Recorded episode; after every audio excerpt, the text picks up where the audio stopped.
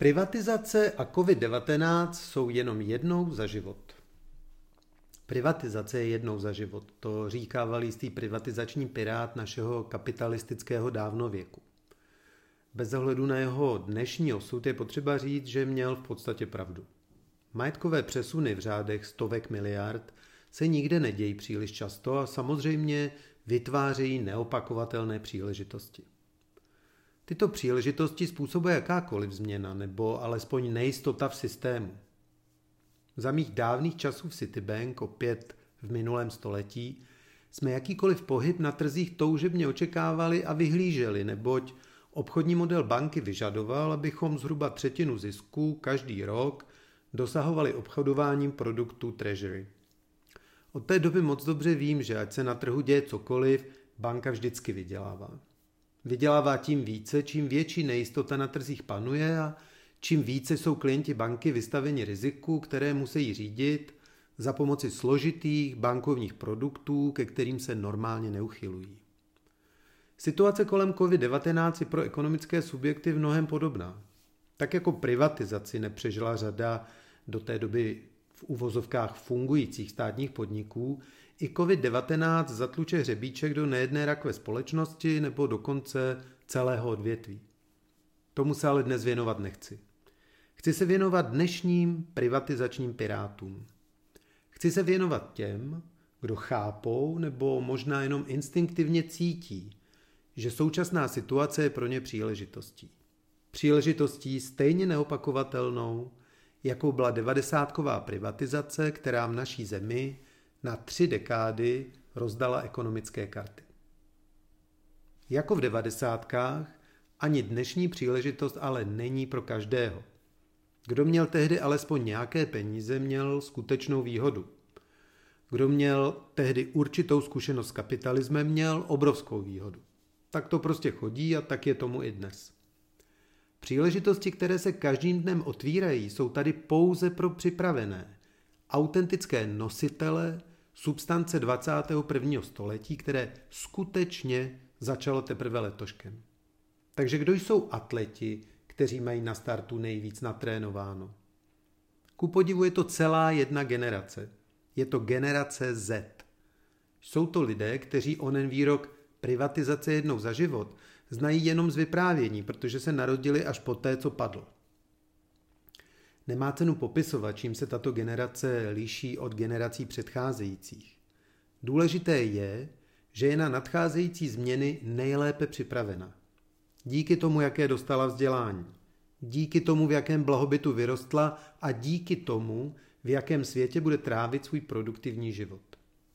Změny, které COVID-19 přinese, budou skutečně pro starší generace obtížně řešitelné a o to méně využitelné.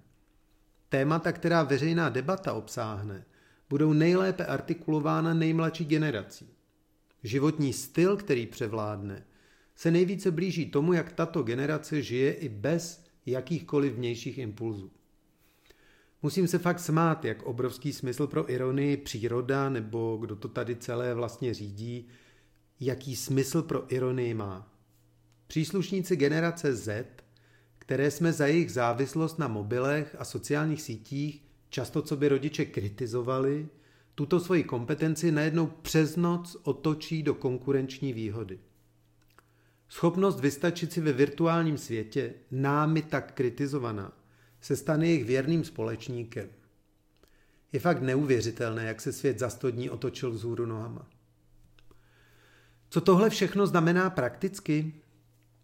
Samozřejmě, že den po znovu otevření země to bude vypadat stejně jako předtím, ale jen na povrchu.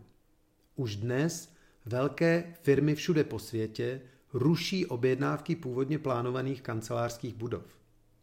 Už dnes firemní účetní vědí, jak obřích úspor dosáhnou, pokud to dobré z tzv. distanční formy spolupráce přetáhnou do doby po COVID-19. A kdo bude jejich s novým zaměstnancem?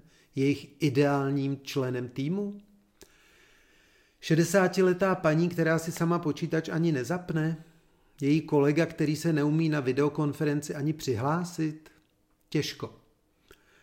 Náhoda tomu chtěla, že generace, která se v příštích pěti letech na pracovní trh dostane, je vybavena úplně automatickými návyky, které její starší konkurence už nikdy, nikdy nezíská.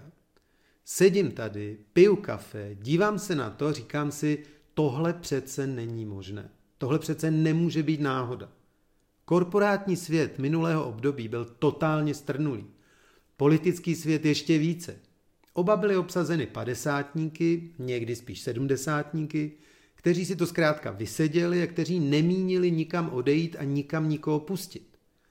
Perspektiva pro nastupující generaci byla dost pochmurná. Cítili jsme to úplně všichni. Platili jsme dětem dobré školy a v duchu si říkali, co si ta naše nebožátka v té korporátní bažině vlastně počnou. No vida, problém vyřešen. Tím pochopitelně nechci říct, že generaci Z její úspěch spadne na hlavu sám od sebe.